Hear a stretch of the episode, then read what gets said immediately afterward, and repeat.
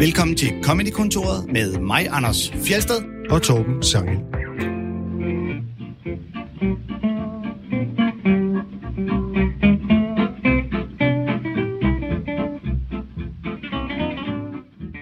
...2020 har været et lorteår, så vi håber, at 2021 bliver bedre, og vi skyder det i gang med at spille nogle af de klip, som vi ikke nåede at spille i 2020.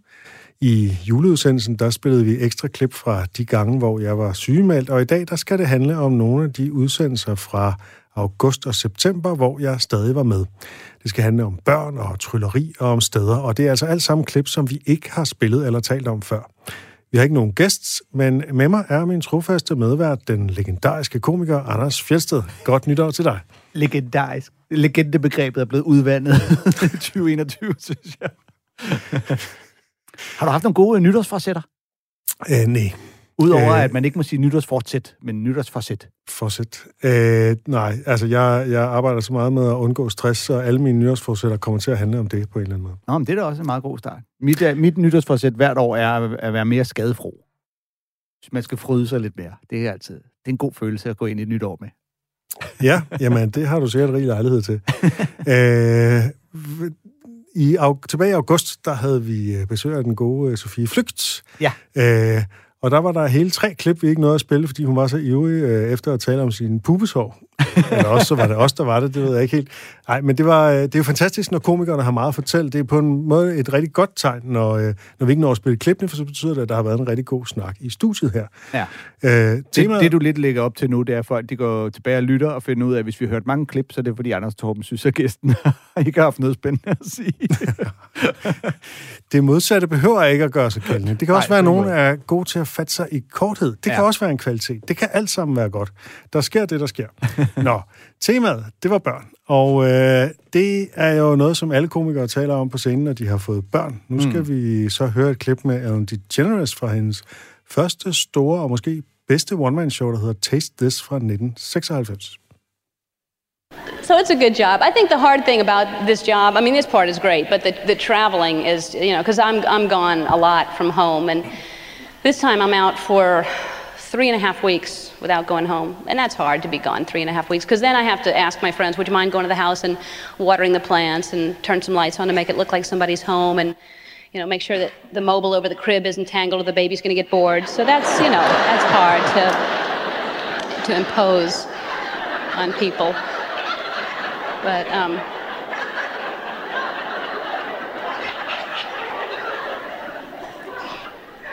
I don't have a baby. I have a mobile and a crib. I enjoy those things. I just have them. I don't know why. I want to have a baby. I don't want to have the baby. I just want to have a baby. I just want to acquire a baby somehow. I can imagine having the baby. That is just, um, you know, that is so much pain. I, and I know it's a beautiful thing you end up with. I'm aware of that. But, you know, I want a new washer and dryer, but I don't think I would go through that, you know, for that. Hey!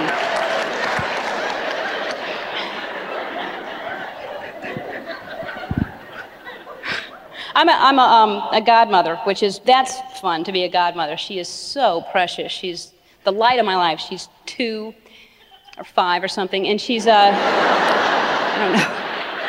I've never seen her. The pictures are precious. She just seems so, you know, she lives clear across town. I don't have that kind of time. But, um, well, I send money and stuff. It's not like I don't have a connection, but, um,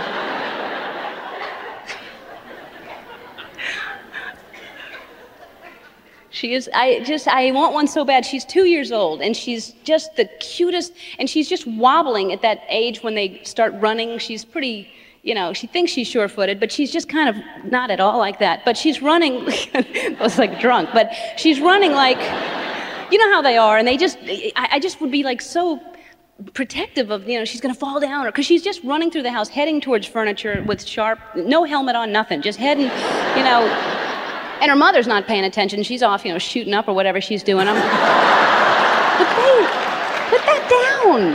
Do that later.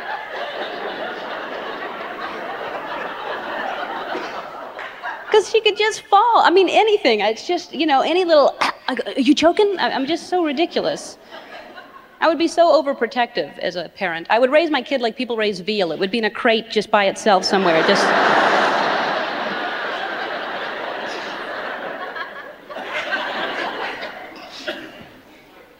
and then I travel so much, I'd have to bring the baby with me on the plane. I don't want to get the same looks that I give people when they walk on a plane holding a baby. It's a cute baby. Just keep walking, keep walking, keep going, keep going. You know?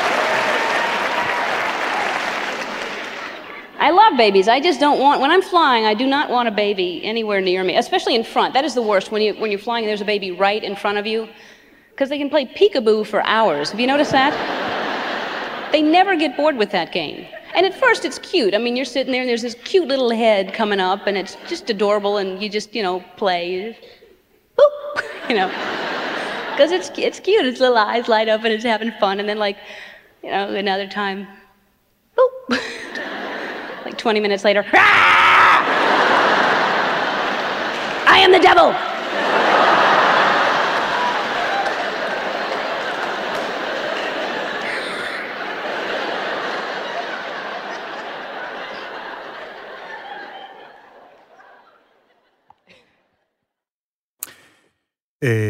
Øh, ja, så selv dem, der ikke har fået børn, de øh, kan godt lave, øh, jokes om børn nogle gange. Ikke? Øh, Ja. men Har, her, der, har hun fået nogen siden?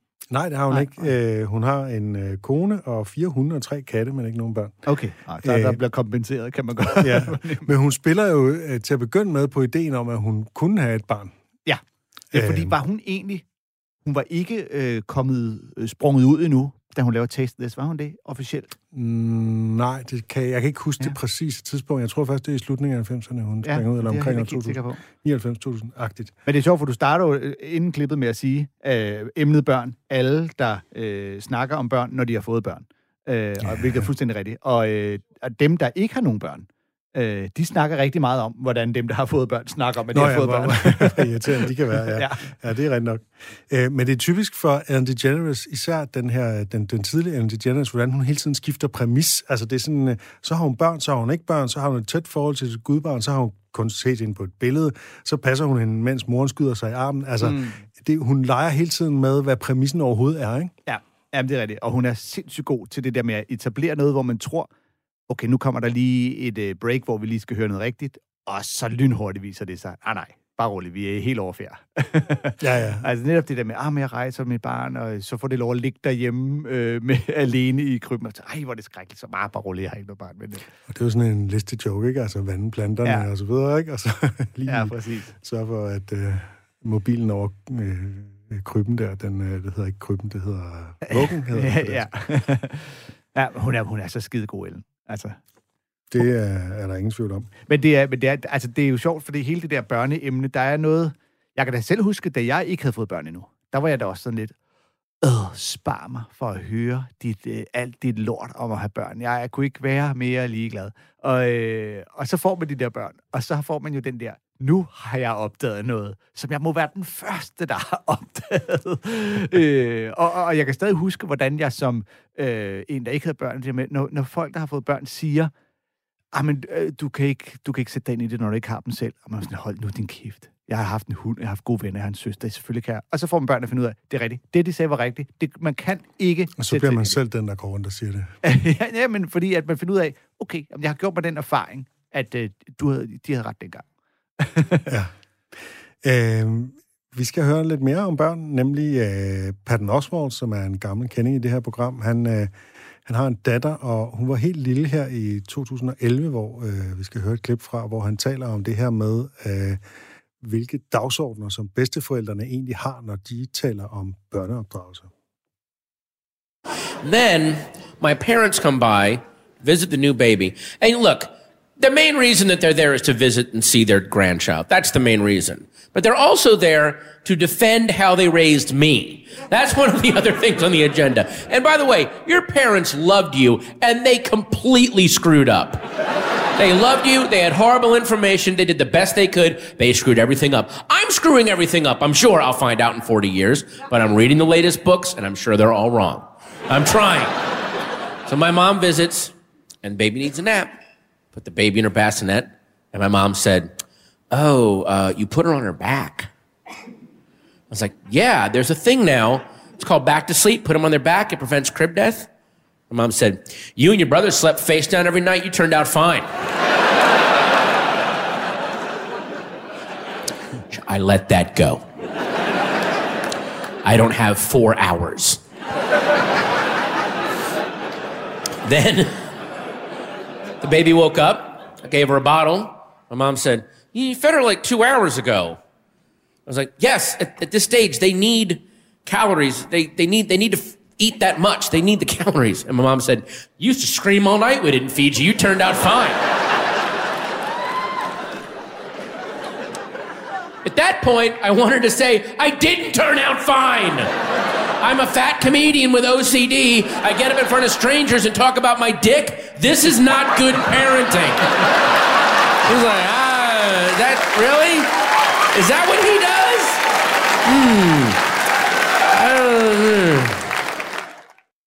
Ja, bedsteforældre. Øh, det er jo en god observation, det her med, at de sammenligner deres børns børneopdragelse med den, de selv øh, havde, ikke? Og så øh, Ja. forsvarer den, og ja, you turned out fine, og så videre, ikke? Ja. Og det, det kan man jo godt genkende. Også det her med, at uh, hvor er forældre hysteriske i dag, og så skal man have barnesæder i bilen og sådan noget, ikke? Og det, da du var lille, der fik I bare lov til at drøne rundt på bagsædet, og der var, skete aldrig noget. Der var ikke nogen, der havde cykelhjelm på, Hvis nu den bil var kørt galt, ikke? Ja. Altså, øh, trafikdødeligheden, børnedødeligheden er faldet ekstremt meget siden, øh, da jeg var lille. Og det er altså fordi, at vi rent faktisk har fået sikkerhedssel, sik, hvad hedder det, sikkerhedsseler på bagsædet og de der barnestol, ikke? Ja, og en større bevidsthed om at passe på. For det er rent nok, det er hele den der måde, at øh, bedsteforældrenes anekdotiske evidens ikke rigtig er Ja, som er et eksempel. Ja. Det, er, det er virkelig et dårligt statistisk materiale at gå med, ikke? Jo, jo, lige præcis. Jeg kan faktisk huske, jeg har en lille, en lille anekdote. Øh, Kom med den, spøjs anekdote. Øhm, jeg har øh, stod engang i et selskab øh, til sådan noget sommerfest, halløj, hvor at, øh, vi stod og drak nogle bajer og så videre, og så var der en gravid øh, kvinde i selskabet, og øh, hvor jeg sagde, øh, du ved, sådan lidt for sjov, skal du ikke have en cocktail? Får der lige en cocktail? Og hun sagde, ja, ja, ja, jeg er jo gravid. Og der spillede jeg nemlig den der, hvor jeg sagde, prøv at høre her. Da vi var børn, alle vores forældre, de drak sig der pivstive, da vi, mens de var gravide. Og det er der, der ikke nogen af os, der har taget skade af. Og da jeg siger det, opdager jeg, at der i selskabet står en fyr, der er øh, spastisk lammet. Oh. og jeg blev så lille bitte bitte. Også fordi, og, det var, og selvfølgelig havde det sikkert intet at gøre med, at hans mor havde drukket, men det var bare hele den der, men, men vi er jo alle sammen. Oh, der var lige en der, der ikke fandt Øh, men der er jo egentlig også den modsatte bevægelse, kan man sige, ikke hos nogen, nemlig at der er nogle bedsteforældre, som bliver enormt loose i forhold til deres øh, børnebørn, som er langt mere loose, end de var i forhold til deres egne børn, ikke? og hvor det er forældrene, der er strammere. Ja. Øh, så det, det fænomen findes også. Ja, og man hører den jo også tit med folk, der får mange børn, ikke? At nummer tre får øh, altså lidt længere snor i forhold til alt muligt end den første, fordi Dels fordi man ikke har tid til at tage sig lige så godt af den tredje, når man skal have to andre. Det er sådan, de to andre klarer den okay. Jeg tror godt, vi lige kan... Nu er vi ved at, at vende os til det. Jeg kan bedre lide hele det der point der omkring, at øh, hans forældre har, lavet, øh, har været elendige til at opdrage ham, fordi han står på en scene og fortæller om sit pæk. Ja, kan du identificere dig med det? Men jeg, for jeg synes jo, at selve øh, øh, betragtningen er fuldt legitim, men jeg tror også, de fleste vil sige, jeg tror, at dine forældre kan være ret stolte, Patton Oswald. Det virker som om, du har klaret den okay, øh, trods alt. Men det, det spiller jo ind i den der generelle antagelse af, at altså, alle komikere har jo issues. Der er, øh, man kan se på den danske branche, vi er jo en kæmpe samling af freaks. Det er jo sådan, at der er jo en komiker, nemlig Mikkel Klintorius, som koketterer med på scenen, at han faktisk ikke har nogen issues øh, som den eneste komiker. Ja. Og han derfor er undtagelsen, der bekræfter reglen, ikke? Jamen, og det, kan, det lyder meget. Jeg har selv tit haft den der med, at jeg egentlig har haft en, jeg er blevet mobbet en del som lille, men ellers haft en rimelig øh, tryg og fornuftig barndom. Øh, I et mylder af komikere, der har lidt af det ene og det andet og Og alligevel er du blevet en total freak. Ja, ja, ja, det var alt muligt andet. Det, det er det narko, jeg tog som, øh, i teenageårene. Øh, børneopdragelse, det er jo sådan noget, der skifter med tidsånden, og samtidig så er det sådan noget meget følsomt noget, hvor at ingen kan jo tåle at få kritiseret deres børneopdragelse. Det er det mest følsomme, ja. altså øh, sammen med deres måde at køre bil på, ikke? Mm. Øh, og det der med, at så der er jo aldrig nogen, der siger, øh, hvis de bliver, for kriti- bliver kritiseret på en eller anden måde, de opdrager deres barn på, Gud, du har ret, ja, øh, ja jeg er en dårlig far, jeg skal, jeg skal gøre det på en helt anden måde. Man forsvarer jo sin egen øh, måde at opdrage sine børn på til enhver tid, ikke? ja, ja, øh, fuldstændig korrekt. Jeg prøvede faktisk på et tidspunkt at lave nogle jokes om dem, der har brugt den bog, der hedder Godnat og sov godt, tror jeg den hedder. Som er sådan en... Oh, don't go there. Ja, det, det lærte jeg nemlig. Det, øh, det, det er nemlig ikke. Det er så følsomt. Den bog kan man ikke diskutere på de sociale medier, for der er to holdninger til den bog, og det er, det, det- der, er- altså 3. verdenskrig kan startes på baggrund af, hvilken holdning man har til den bog. Man skulle lige, øh, for hvis man lige kunne få noget vaccination med ind i, så øh, ville hele kloden implodere til et stort hul. Men det er rigtigt, fordi jeg havde selv sådan en forestilling om, jeg prøvede at, at, at, at snakke, i talsæt det der med, hvor svært jeg havde ved at efterlade mit barn i institution. Øh, det der med, så går man, og ens barn tuder, og pædagogen er sådan lidt, du skal bare gå, du stopper med at græde, så snart du er væk. Sådan lidt, ja ja, hun stopper med at græde. Men jeg, jeg stopper ikke med at tude, før jeg kommer og henter hende Åh. igen. øh, men hvor jeg netop siger, dem der har brugt den der bog, hvor det bare, så skal du bare lægge dit barn til at sove, så skal du bare gå ud fra døren, og så lægger man bare tuder først i 5 minutter, så i 10 minutter, så i et kvarter. Hvad, altså, hvad fanden er ideen, at dit barn bare skal lære, at du kommer til at tude, og der er ikke nogen, der kommer og hjælper dig. Det er selvfølgelig et meget godt øh, råd til med sig videre i livet. Ja, altså nogen, har, nogen påstår jo, at de har haft øh, gode erfaringer med den. Jeg har absolut heller ikke brugt den. Vi var, vi var meget imod, øh, kan jeg sige, uden at jeg skal gå ind i en diskussion af det. Men generelt så vil jeg sige, at jeg tror, der sker altså et fremskridt i vores børneopdragelse. Altså vi er bedre, end de var, end de tidligere generationer var. Jeg tror, det er en entydig god ting, at vi er holdt op med at slå vores børn, og vi giver dem mere kærlighed og, og øh, mere selvværd og sådan noget. Ikke? Altså sådan Ja. også øh, middelklasse, ressourcestærke typer, der står og taler i radiostudier. Ja, og vi mange skal andre. bare- Altså som, som kultur betragtet, Helt øh, selvfølgelig med alle mulige undtagelser, så er vi blevet bedre til at opdrage vores børn. Vi skal bare lige nå forbi det der stadie med, at de skal hedde øh, Gurli Hyldeblomstblad, og øh, hvad man ellers finder på fjollede navn. Ja, men altså, hvis de bliver opdraget med kærlighed, så overlever de også det. øh, vi skal høre endnu en kending i Comedykontoret, nemlig Brian Regan. Yeah! Det er, det er Anders' yndlingskomiker, og det er fra hans show All By Myself fra 2010, hvor han sandelig har fået børn. My wife and I, we have two wonderful kids, and and another kid.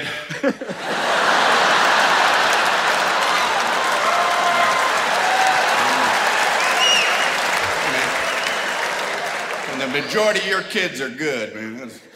No, we have two kids. I'm joking. They're both wonderful. I love being a parent.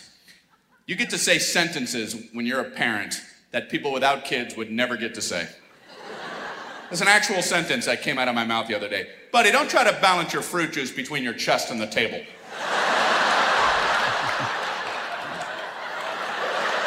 actual sentence I had to put together and aim at another member of our species. My son was sitting at the table with his arms up. Actually, he was trying to push a plastic cup of fruit juice along the edge of the table, pushing it with his chest.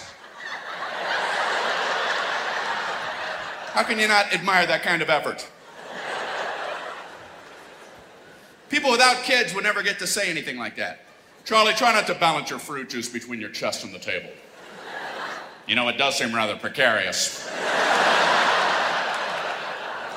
You, you know, when I set that on the table, it seems more solid underneath. That's what I was thinking. Thanks for pointing it out. You're welcome. Continue with your proposal. you gotta have kids. You have to have kids too to witness certain kinds of behavior that's a little off the tracks. My son at the dinner table put the end of a strand of spaghetti in his mouth, and the rest was just hanging in his plate. So I was watching. you know. What does he have in mind? He's concentrating on something. I thought he wanted to try to slurp the spaghetti into his mouth. He had another activity in mind.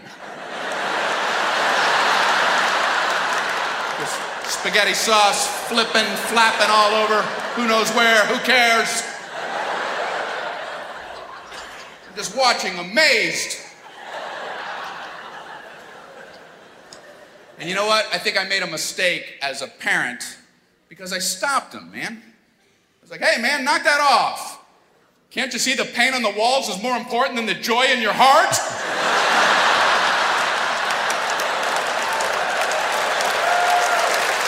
Hey, you.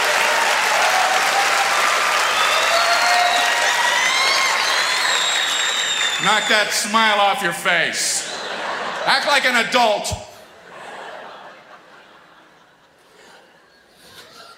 You start to wonder things when you have kids. Like, when does all by myself go from something that makes you happy as a kid to something that makes you sad as an adult? My daughter's like, I did that all by myself. Cut to all by myself.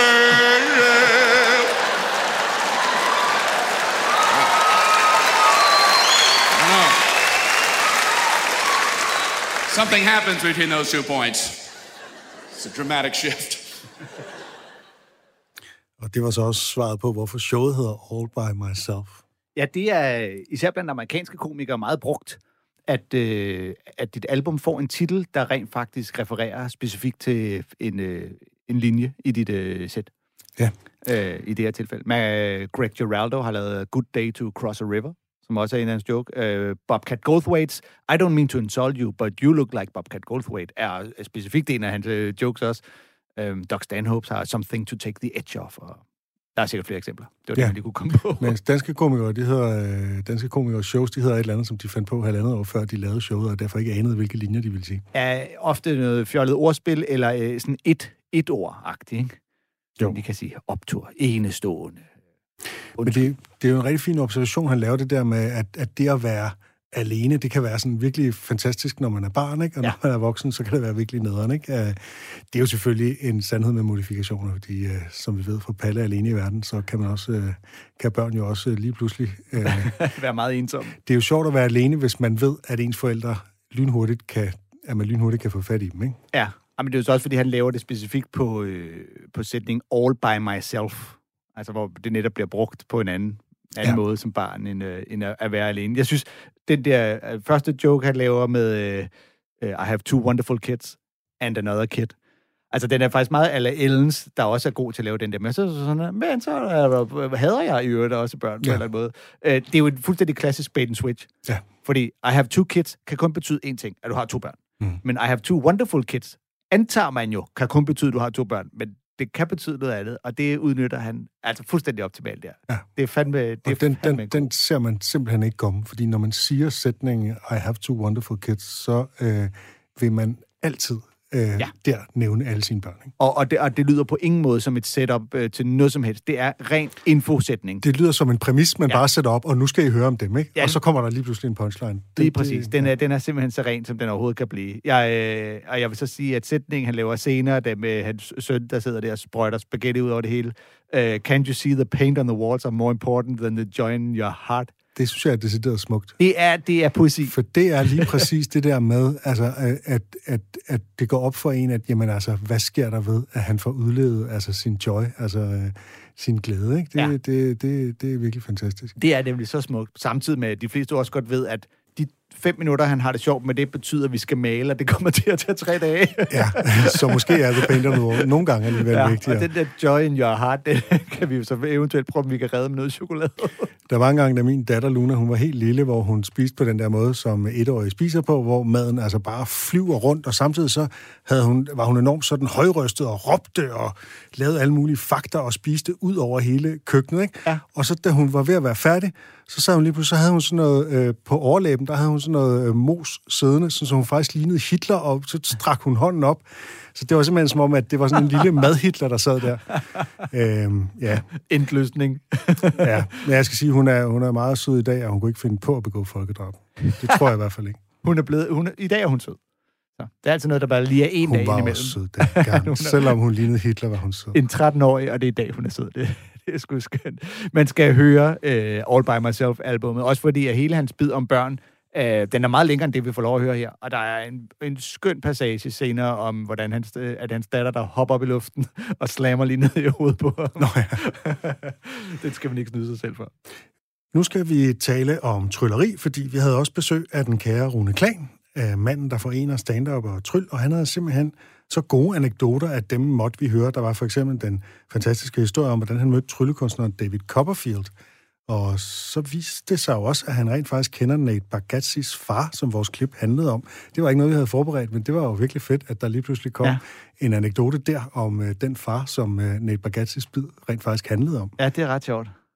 Men det betød så også, at der blev nogle klip til overs, og øh, lad os høre i hvert fald et af dem, øh, der handler om trylleri, eller tryl, som Rune kalder det. Først et klip med en vis Patton Oswalt, som det er flere minutter siden, vi har spillet sidst. og øh, altså normalt så spiller vi jo ikke flere med den samme i det samme program, men øh, nu er det jo noget lidt andet, fordi konceptet er lidt andet her. Det viser Øh. bare, at det er ham, vi tit udlader. Ja, og det er, øh, altså, sagen er, han er en af verdens bedste komikere, og vi elsker ham, og derfor så er han, altså han er tit på bedring, men vi prøver jo netop ikke at spille for meget af de samme komikere. Derfor så ryger han tit øh, sådan nederst på listen. Øh, men så kommer han jo altså et par gange i sådan et program som det her, hvor vi tager de klip, vi ikke nåede. Øh, Pan Oswald, han fortæller en historie om en, øh, sådan en, en tryllekunstner-komiker, altså faktisk sådan en som øh, Rune Klan, men bare virkelig nederen i modsætning til Rune. When I was uh, starting off as a comedian, late 80s, early 90s, I opened for a lot of comedy magicians. Comedy magicians just ruled the landscape in the early 90s because back then it was like, hey, are you a shitty comedian? Learn a magic trick. Are you a boring magician? Learn a dick joke. And these guys could make a hundred grand a year. They just, they were kings. So I was doing a one nighter on a Wednesday night in Richmond, Kentucky at a sports bar, and I was opening for a comedy magician. I was getting $25 to open. He was getting $75 to close. I really needed that $25 very badly. So we get to the bar, and the bartender meets us, and he says, Yeah, Booker told you wrong, because uh, the opener, you're just going to get uh, 20, and the Magic Man, you're going to get 70. So we've been shorted $5. Well, I need the 20. There's nothing I can do. I'm in. The magician has the ugliest meltdown I've ever seen. He doesn't scream and yell. He does that thing when you get so goddamned angry, you begin speaking very quietly, but you over enunciate every fucking word that comes out of your mouth. Because what you are saying is the $75 I was contractually told I would receive has been reduced to $70. Is that what the fuck you're saying? And the bartender's reaction is, Yep, that's what the booker said. like, literally can't see murder when it's an inch from his face. so, the way a comedy magician worked was they had on a stool a suitcase. The suitcase was open, and in the suitcase, they had all of their tricks neatly arranged.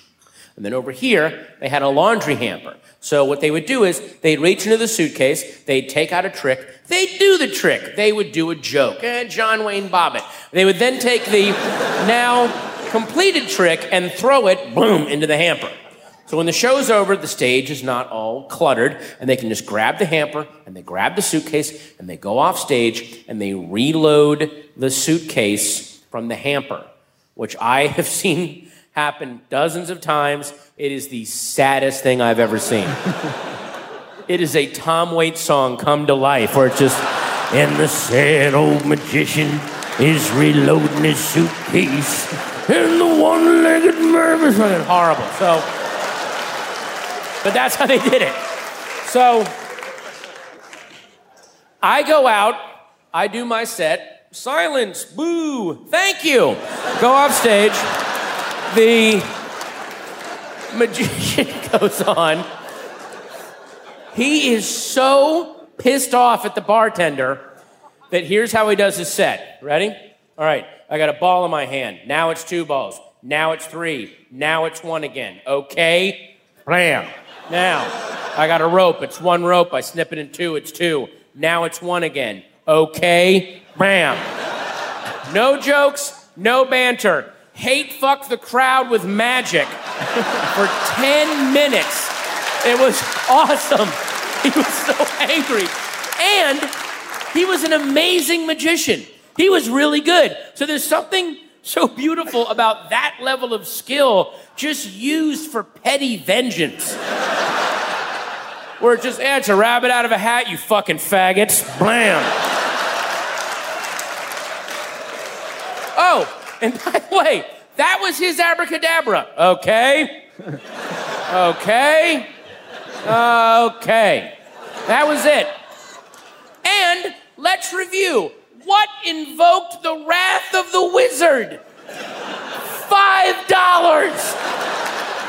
Five dollars. I thought to piss off a warlock, you've got to burn down his village or kill his familiar, something. No, all you have to do steal five dollars from him, twenty quarters, twenty games of Galaga, and he will invoke a thorny doom from beneath the crust of the earth. Okay.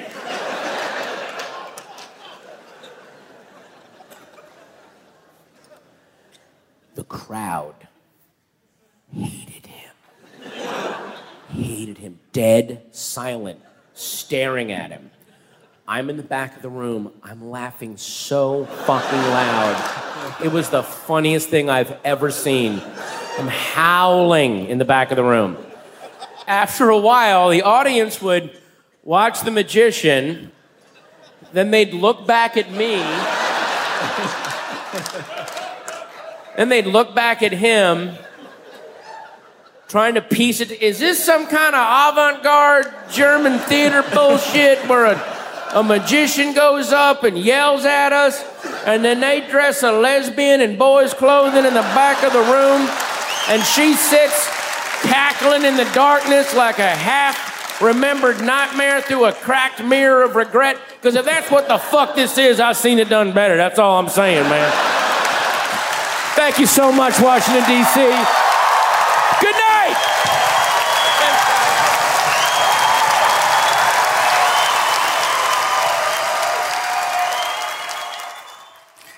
Ja, det er jo meget typisk Patton Oswalt, det her. Han elsker sådan nogle anekdoter om nogle fagfolk, som, øh, som enten er dårlige eller uengagerede. Ja. Eller uengagerede eller mærkelige, ikke? Og så Og her- lukke, lukke sit show på sådan en længere øh, anekdotisk ja. historie der. Ja, og, og øh, her der er det så en, der er uengageret, fordi han er totalt øh, passivt aggressiv, ikke? Ja. Fordi at, øh, han får 5 dollar mindre, hvilket selvfølgelig også er irriterende. Ja. Men der skal man så ligesom være professionel nok til, at når man skal lave et trylleshow, så Ja. ja. skal man ikke bare stå og hate fuck the crowd. Nej, det er et fint udtryk. Det er så fedt et udtryk. Hate fuck the crowd. Men det er jo Uffe Holm, der plejer at sige, at der er en grund til, at det hedder show business. altså, Uh. man skal, sgu have, man skal have sin løn jo.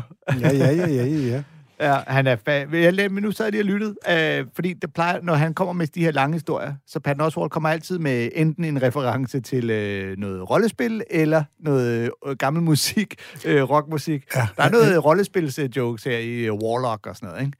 Men kommer der nogle musikreferencer? Ja, Tom Waits jo. Der var en Tom Waits, ja, det er rigtigt. Ja, og, der, og det er en meget virkelig god, altså det er en virkelig god reference til Tom Waits. Altså den her, man ser for sig, hvor trist det er, at fordi det, er jo- at det, det er jo sådan en, der gør fuldstændig som Rune Klan gjorde i gamle dage. Ikke? Han har en kuffert med, og så smider ja. han bare alting ud på scenen, og wow, whoop, så tager det ikke noget som helst seriøst. Så bagefter så skal han jo så pakke den her kasse igen, Ja.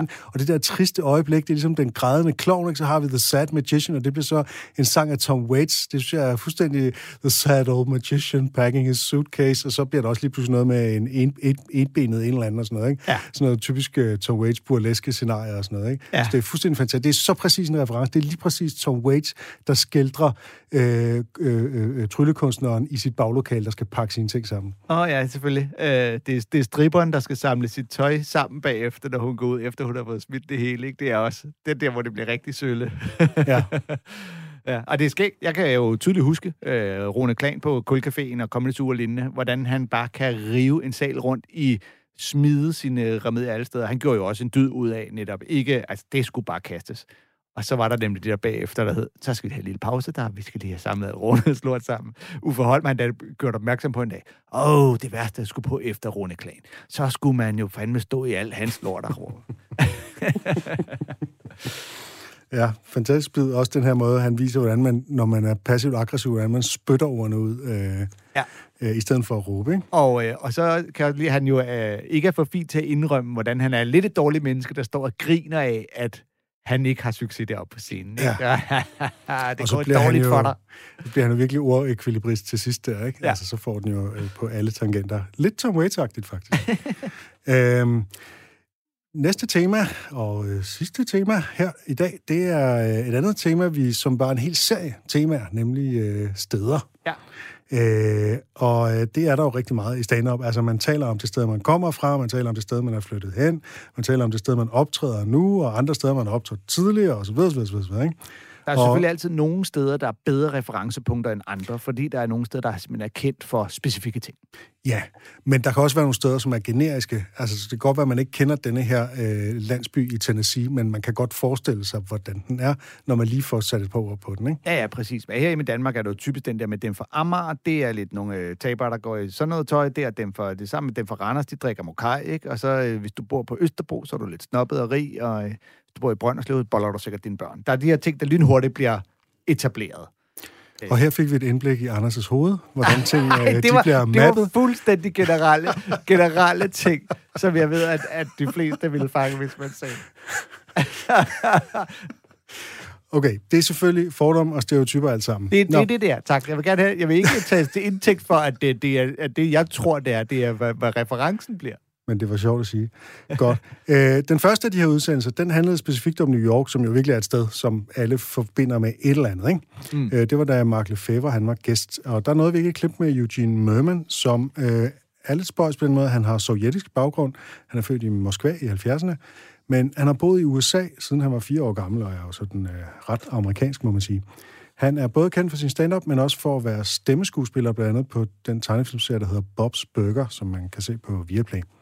Og det handler om Chelsea, i New York, som er sådan en bydel på det nedre vestlige Manhattan. Og dengang jeg boede i New York, der var det sådan primært gallerikvarter, sådan en gammel industrikvarter, hvor der er en masse gallerier, der rykker ind. Ikke? Og det var fuld af kunstnere, hipster og kreativ klasse.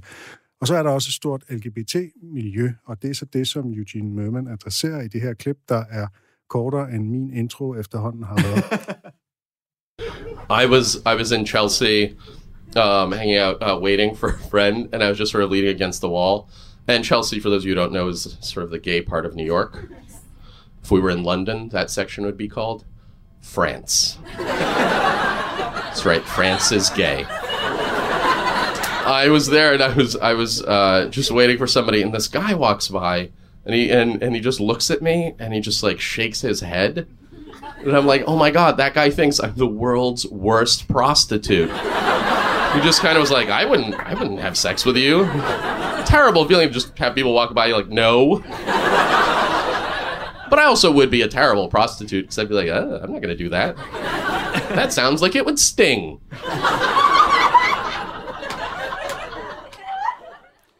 ja, en lille analsex-joke til sidst.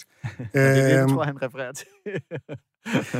Hvad tror du, han refererer til? ja, det, ja, det kan godt være, det er det, der vil- vil sting a little. Jeg tror i hvert fald, hende, der griner meget højt på første række, hun øh, tror, det er det, det det. handler om. Okay. Øh, Francis Gay, det er jo sådan lidt samme syn på franskmænd, som det, vi har hørt uh, Dylan Moran. Uh, altså det her med, at uh, britter og så også irer, at de sådan tænker franskmænd som sådan mere forfinet og, og kulturelle og sanselige størrelser. Ikke? Det er jo egentlig på mange måder en kompliment. Ikke? Altså det er jo også lidt et, et mindreværdskompleks fra, fra sådan... Uh, øh, britter og amerikaners side. Der er sådan et eller andet, Frankrig kan et eller andet med det sanselige, ikke? Ja, jamen, det er du fuldstændig ret i. Og han kommer jo ud i flere led af stedreferencer, ikke? Når han snakker om øh, Chelsea som en reference, og så snakker han om Frankrig som en reference for englænder. Altså, Ja, han siger ja det er rigtigt. Han har, de det, det er englænder- set fra London. Ja, Ja, Øh, der, der er altså virkelig mange, og man er med hele vejen, og man tænker, ja, selvfølgelig synes englænderne det her om franskmændene, for de altid havde hinanden. Og vi ved også godt, at det er sådan her, man tænker om franskmændene. Så øh, det er meget sjovt. Det, det er sgu meget elegant lavet. Det kan føres tilbage til nogle krige for mange hundrede år siden. Det skal vi slet ikke øh, gå ind i nu. Øh, og så er der jo det her med, at han læner sig op ad væggen og bliver taget for at være en trækkerdreng, og så mm. fornemmer man, at han bliver sgu lidt fornærmet over, at mere, han bliver mere fornærmet over ham der, han ikke har lyst til ham, ikke? Ja. Han er ligesom, "Ah, du er, ikke, du er ikke pæn nok til mig. Det skal siges, at Eugene Merman ser lidt speciel ud. Han har sådan lidt øh, øh, bredt ansigt og udstående øjenæbler og sådan noget, ikke? Ja. Øhm, men, øh, men den der med, at, at selvom man ikke selv er homoseksuel, så vil man alligevel gerne begæres. Det har Mark Lefebvre også i sit seneste show øh, lavet en bid med, det der med, at der er, han har en, en bøsseven i vennekredsen, og øh, han er lidt misundelig på, at øh, alle, de andre har, alle de andre i vennekredsen har han flyttet med, men bare ikke Mark selv. Og, sådan noget, ikke? og han, han går rundt og bliver sådan lidt fornærmet, selvom han jo ikke altså, har lyst til at gøre noget med ham. Ja, lige præcis. Det der tvetydighed mellem, jeg håber ikke, der kommer nogle øh, af de der klamme bøsser og lægger an på mig, og så det der med, hvorfor lægger de ikke an på mig, jeg synes, de er klamme, eller hvad det, det er rigtigt. Og så selvfølgelig netop, når han har etableret øh, Chelsea som værende et sted, hvor at, øh, som har det her miljø, de har, så skal man passe på, at folk ikke tror, man er øh, en prostitueret. Øh, da jeg selv var en yngre, øh, en øh, ung knægt, og lige flyttede til København, der var det det med, hvis en kvinde gik ned ad Istedgade, så var, hun, så var hun en luder. Det måtte hun jo næsten være, fordi Istedgade var det, hvor luderne var. Så hver gang man var på Istedgade, så var man sådan, jeg gad hende på hvad hende på hvad ikke? Og jeg har haft veninder, der har ligesom også nævnt det der med, at skulle gå ned ad Istedgade, og biler kørt hen sådan lidt. at du er en af dem? Fordi på den her gade er de jo, så må det jo være alle kvinder. Øh, og det, der er Istedgade jo, hvis der bor jo fuldstændig på samme referencepunkt, som hvis du, Som står, der, Chelsea, hvis ja. du står og læner dig op af en lygtepæl på øh, Skelbækgade, så tror jeg godt, du kan regne med, at der er nogen, der tror, du er prostitueret. Øh, nu er vi inde på, øh, på det her med Storbritannien og, øh, og det britiske blik. Øh, jeg har tidligere sagt, at der stort set ikke er nogen britiske komikere på Spotify, og det var også rigtigt en gang, men det har ændret sig siden. Nu er der kommet nogle af de store, og en af dem, det er Eddie Izzard, som vi skal høre nu. Mm. Han lavede et show, der hed Dress to Kill. Var det det, du var inde og se? Har, Yes. det har du set? I New York. 19, I New York i 1998. Lige præcis. Har jeg fortalt den historie herinde før? Det tror jeg måske. Fordi at, øh, jeg fortæller den gladeligt igen. Og må jeg, lige, det- må jeg lige i den forbindelse, så bliver jeg simpelthen nødt til også at komme med en dementi fra et tidligere program. Øh, jeg fortalte i programmet om øh, Heckler Comebacks. Øh, om dengang, at øh, der var nogen, der øh, råbte efter mig på Comedy Zoo, som blev smidt ud og det med slagsmål. Mm. Og i den Det forbindelse... var løgn hele. Øh, ja, og det var bare det, jeg vil sige. Det er aldrig sket. Nej, men øh, min gode kollega Anders Nielsen, øh, stand-up-komiker, har skrevet til mig efterfølgende, at nu har jeg fortalt den historie øh, forkert to gange i Comedy-kontoret. så, så udover lige at gøre opmærksom på, at jeg ikke har, øh, har forklaret den helt korrekt, så har jeg fortalt den mere end en gang. Men øh, det er fordi, jeg siger, der Du kommer... er jo ikke 20 længere, Anders. Det er fordi, jeg husker den som, at det er to kvinder, der smider det her selskab ud af, af, af fulde polterappen fyre, der sad og råber racistiske ting efter mig på scenen. Øh, det, den ene af de kvinder er langhåret Anders Nielsen. Men det, Så Anders Nielsen har været hækler? nej, Nå nej, han var en af dem, der smed dem ud. Ja, ja, fordi ja. at det er hende, der går ned for at smide dem ud, er øh, Trine, som er øh, en kvinde. Yes. Og ha, ha, det er Og hans så- kæreste. Ja, ja, ja. Så- det var så selvfølgelig det- dem. Ja, du nævnte nemlig hende. Ja. Øh, og så er det selvfølgelig Anders set bagfra. Han øh, kan godt se... Nu Jeg mindes, der var en anden kvinde, men det er bare, fordi han skrev lige til mig, at øh, det der med, jeg var godt nok langt men hvis du synes, det var nederen at stå på scenen, så prøv at forestille dig at være ham, der skal gå efter sin sure kæreste dernede, velvidende. Hvis de her fyre går op på hende, så er jeg ham fyr, der skal stille mig i vejen. Og han gik glip af resten af showet, fordi han hjalp med at følge de der fyre Ja, han vejen fik ud. ikke lov til at komme ind. Jo, men der kom jo slagsmål derude, og der skulle han jo kræfter med hjælpe dørmanden og det ene og det andet. Det var, der var Trine åbenbart ikke meget bevendt. Så, ja, det var bare lige uh, en Ja. lille uh, rettelse, en tilsnigelse, inden jeg fortæller for anden gang om, hvordan vi fik snydt os ind og se Izzard i, uh, i New York. Ja, den tror jeg så heller ikke, vi skal gentage. Øh, vi, skal, vi skal høre et klip nemlig. Vidste du, at jeg kender uh, Judah Friedlander? Vi skal høre Eddie Izzard tale om øh, San Francisco, i San Francisco, og om Storbritannien, for han er jo altså britisk. Og helt typisk så er det åbningen af showet, hvor han adresserer de lokale med sådan lidt kærligt drilleri. Ikke? Øhm, vi skal måske lige forklare, at East Bay, det sådan er kystområdet uden for San Francisco. San Francisco, San, and you're not San Fran, and you're not uh, Frisco. Well, That's the other one, isn't it? Which you hate, which no one tells you about. You know, you, not until you fucking get here. You start saying, "Hey, Frisco," and everyone goes, "Fuck off," and and s- everyone goes s- and gets snakes out of their bags. It's really weird. Audiences, entire audiences going, "Sss," which you're not doing, which is good. Yes. No, but it's weird because I haven't had that. I didn't have that in New York, in Paris, in in, in fucking Cairo. Um, not that I played Cairo, but um, but no snakes in bags. But here, everyone had fucking snakes in bags. I don't know what was going on. Anyway, so or you you, you can be called the city, which is very big of you. the city. Well, there's a few others, you know. No, no, this is the city, and um, so I'm not from around here. No, I'm uh, well, I'm from East Bay, and uh, now I'm from Marin County. No, I'm from down the peninsula. No, I'm from South Dakota. No, I'm from somewhere geographical. Um, because you know John Carpenter's film The Fog was, was filmed was was made after he filmed near San Francisco, and it was every day it was fucking fog everywhere, so he couldn't fucking film. So apparently he said, "I'm going to make a film called The Fog." Yeah, and. Uh, yeah. So I, I grew up in the 70s. I grew up in the 60s as well, but the early part of your, you know, first eight, ten years, you're just like on drugs, aren't you? You're just going, uh, what? What's going on? It's the, my dad's going, it's the 60s, it's the swinging 60s. Look, Dad, I've got a banana in each ear. No, England's winning the World Cup. I've got soot in my eyes, Dad. Look, you know. So I missed the 60s, really. The 70s, that's when I started to notice things. And uh, it was an ex-empire period, a period where I really felt, you know, people going, oh, no empire no longer, no British empire anymore. careers advisor would come to school and say, you know, uh, well, I, I advise you to get a career, kids. That's all I can say. And then he... Which was pretty fucking obvious, I thought. But he took me to one side and he said, what do you want to do, kid? Tell me your dreams. Oh, I was ambitious. I said, I want to be a space astronaut, go to outer space, discover things that aren't there. He said, Look, you're British, so scale it down a bit, all right? what? Oh, right. Well, I want to work in a shoe shop then. And discover shoes that no one's ever discovered, right at the back of the shop on the left. he said, Look, you're British, so scale it down a bit, all right? all right, I want to work in a sewer then. And discover sewage that no one's ever discovered, that's wedged under a ledge somewhere, and then pile it on my head and go to the surface and sell myself to an art gallery. He said, What the fuck have you been smoking, kid? And he beat the shit out of me and killed me. And, uh, but I got over it. And Når jeg hører det her, så tænker jeg, øh, at det er som om, at hans San Francisco-jokes, de ikke rigtig...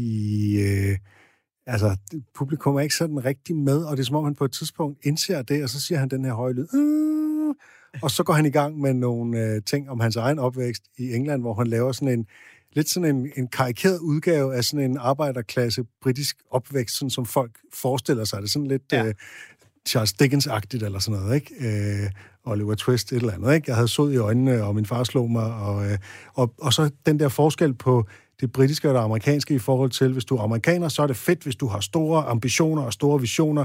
Hvis du er britisk, så sådan noget, nej, nej, det, tænk, ja. tænk mere beskeden, nu skal du ikke komme for godt i gang. Lidt som den danske jantelov, ikke? Ja, det er fuldstændig rigtigt. Det er, er, er, det, det, er jo det er lige præcis den der, øh, der er øh, klart mest bemærkelsesværdigt hele det her klip, fordi det, det sætter klart skæld mellem, nu er han færdig med sin, du ved, Panda The Locals, Øh, fordi det er, jo, det er jo tit det, hvis du vælger at starte dit show med at gå ind og adressere, hvor man er, og laver de her, ja, vi kalder det jo Panda the Locals, sådan ligesom lige fedt lidt for dem.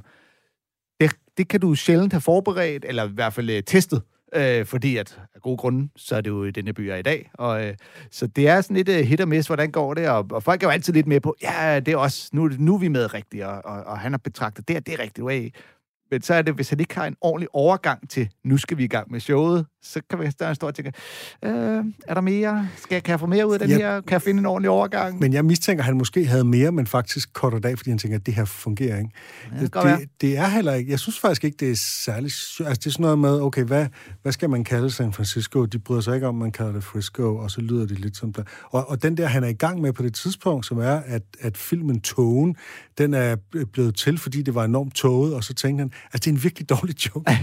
ja, men det er jo... Og altså, det er sagt med al respekt for Eddie Izzard, der ja. er skidegod komiker, men det her det er bare et eksempel på, han er et fremmed sted. Mm. Han kender ikke San Francisco godt nok til at kunne lave jokes, der er gode nok til at tilfredsstille det lokale publikum. Det kræver, altså det er, det er en så stor by, at de har en så stor selvfølelse, at de, de, skal have noget, altså de skal have noget mere, hvor han rammer den, hvor han nailer den, ikke? Ja, Jamen, jeg har lidt en fornemmelse af, at de netop køber ind på hans Øh, det man siger, man må ikke kalde jeres by det her, og de er sådan nej, det er nemlig rigtigt, det, det gider vi ikke, øh, du ved, men, men I kalder bare jeres by for The City, det er måske lidt lige meget. Der, lige der får han, får han ja. grin og sådan en genkendelse, ja, ja, ja, og så kan de samtidig se deres egen sådan storhedsvandvid i bare kalde det for The City, fordi dem er der jo ja. vildt sagt mange af. Og så, øh, og det der med netop, jeg er ikke øh, fra her, jeg er fra East Bay, så er det jo også sådan, haha, det ved vi godt, det er faktisk lige herhen, så du er lidt herfra alligevel. Jeg, jeg er vildt glad for, at han, øh, han laver den der, hvor han, øh, hvordan, I'm from somewhere geographical. Ja. så bliver det sgu ikke mere åbent. øh, men, det er jo, men det er jo også, når du starter showet med det der, altså, så er det ikke fordi, du som sådan bare skal have de store grin, det er bare for at etablere den der øh, connection vi er sammen, jeg ved, jeg er her, og øh, du ved, så man ikke går helt banal på den, og bare står og råber, øh, hvad så Skive Festival, når man er på øh, Heartland. Ja, det er, og det hænder jo indimellem, at nogen gør det, både i musik- og komikerbranchen. Bill Burr er jo de gange, han er, når han er i København, så kommer han jo aldrig med sådan noget lokalt noget. Altså det er som om, han har, han har kørt i en taxi fra Lufthavn, så der kommer allerhøjst en anekdote om, hvad taxichaufføren sagde på vej ind. Øh, mens at andre komikere, de prøver jo virkelig, så snakker de med folk, så kender de måske nogen i København, eller øh, den lokale manager, eller et eller andet. Sådan, Hvad har du, hvad har du på København? Eller mm. øh, øh, som Louis Black, så man gik rundt i byen og kiggede og så de der busreklamer med bryster på, og alt sådan noget. Så han kom med nogle meget specifikke, konkrete jagttagelser, hvilket altid giver point. Men det er jo så, fordi han, han er sådan en, der tænker, jeg skal da så lige være nogle dage i København, ikke? hvor Bill Burr ja. tænker, jeg skal hurtigt op i det der fly igen og tilbage til, hvor han nu... Hen til et federe sted. Hen til et federe sted. men, men, det er, men det er jo også, jeg tror også, det er fordi, at nu har den her branche jo været i gang i så mange år, og øh, nogle af de her komikere er så rutineret, så de ved godt, hvis jeg kommer til Danmark og, øh, og helt simpelt bare laver en, øh, laver en øh, hvad sker der for, I snakker skørt eller lignende, så er der komikere, der har gjort det før mig. Der er ikke noget værre end at være comedy-fan, der hører, nå, nu kommer ham amerikaneren og tager fat i præcis de samme, ja. øh, hvad sker der for jeres land, som alle andre gør. Vi kan nå et øh, klip mere, for nu ikke at have klip, øh, vi ikke når i, øh, af, i, i afsnittet med klip, vi ikke nåede. Øh, hvor vi tager en tur til Grækenland, som jo næsten gik bankerot i 2010-11 der. Og øh, det tager Gary Goldman fat i i 2013. He had a damn disc, man. The and it's not his fault. The economy, I shouldn't even make fun of him. The economy is not, I mean, it's, it's better. It's not as bad as it was a couple years ago, and it's not as bad as it is in Europe. Greece is bankrupt.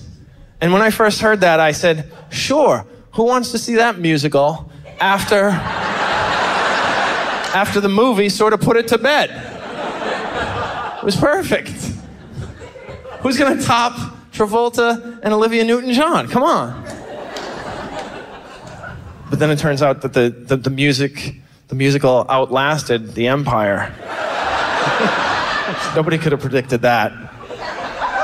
Greece is bankrupt. Might it have something to do with the fact that they haven't invented anything since the Pythagorean theorem?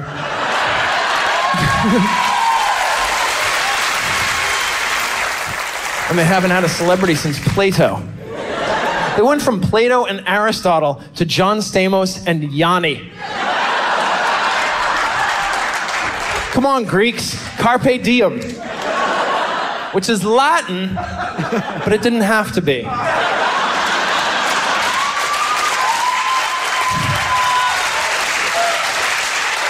Had they applied themselves, instead of mailing it in for the past 2,300 years, they'd still be a, still a profitable member of the world economy. Poor Greece. They, listen, they switched their focus. That's what happened, and it happens to some, to some of the best ever. Michael Jordan played baseball for a season. a season. Greece put everything aside, all their inventions, all their. Uh, innovations. They like invented math, science, modern architecture, drama, comedy, plumbing, the Olympics. And in 300 BC, they just they hung up their tool belt and said, "Yeah, we're good. we're gonna." We're going to take all our, for the next 2,000 years, let's take all our energy, all our focus, all our genius. Let's work on salad.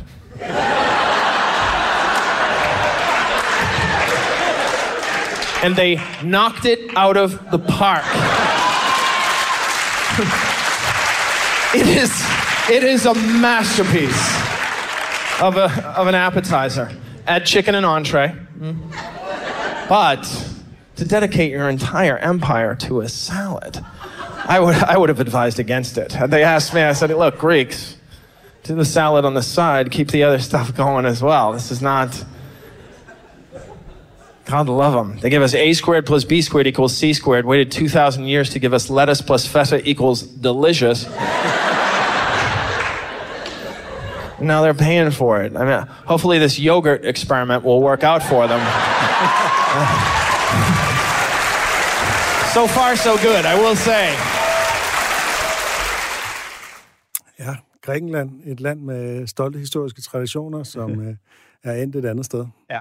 Ret originalt take. Har ikke, øh, ikke hørt mange lave lige præcis uh, Grækenlands referencer, uden at komme ind på noget med at blive bollet numsen. og den der idé om, at de så, så fokuserede på salat, ja. fordi det var ligesom det nye. Ikke? ja, og så videre til, åh, oh, bare yoghurt bliver lige så stor en succes. Det er ja. virkelig skægt, fordi det lige, er sikkert på det tidspunkt, det blev et hit at spise. Jeg synes, at uh, Grease, Grease uh, ordspillet, han må jo forklare den, han bliver, han må forklare den lidt for mange gange, ikke? Man siger John Travolta, Olivia Newton-John, for at være sikker på, at alle er med på, nå, filmen, ja, okay. Ja.